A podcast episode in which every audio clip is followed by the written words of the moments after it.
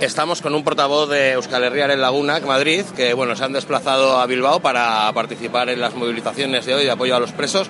Eh, bueno, eh, otro año más estáis aquí, habéis llenado un autobús desde Madrid y bueno, pues cuéntanos que, cómo vivís esta jornada de hoy. De Hombre, pues nosotros la vivimos con ilusión porque llegamos a un país donde la lucha parece que todavía continúa, cosa que en Madrid está un poco paralizada, con lo cual a nosotros estos nos da una pila de tres pares de pelotas.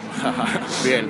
Eh, bueno, eh, últimamente, en estos últimos años, eh, la represión se ha extendido, digamos, por todo el Estado. En Madrid también ha habido, bueno, bastantes casos.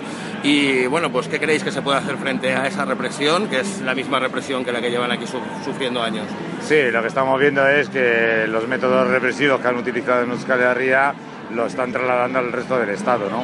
La diferencia en el resto del Estado, que ya nos gustaría que no fuera esa, es que eh, en Euskal Herria hay una unidad en contra de la represión y allí van caso por caso.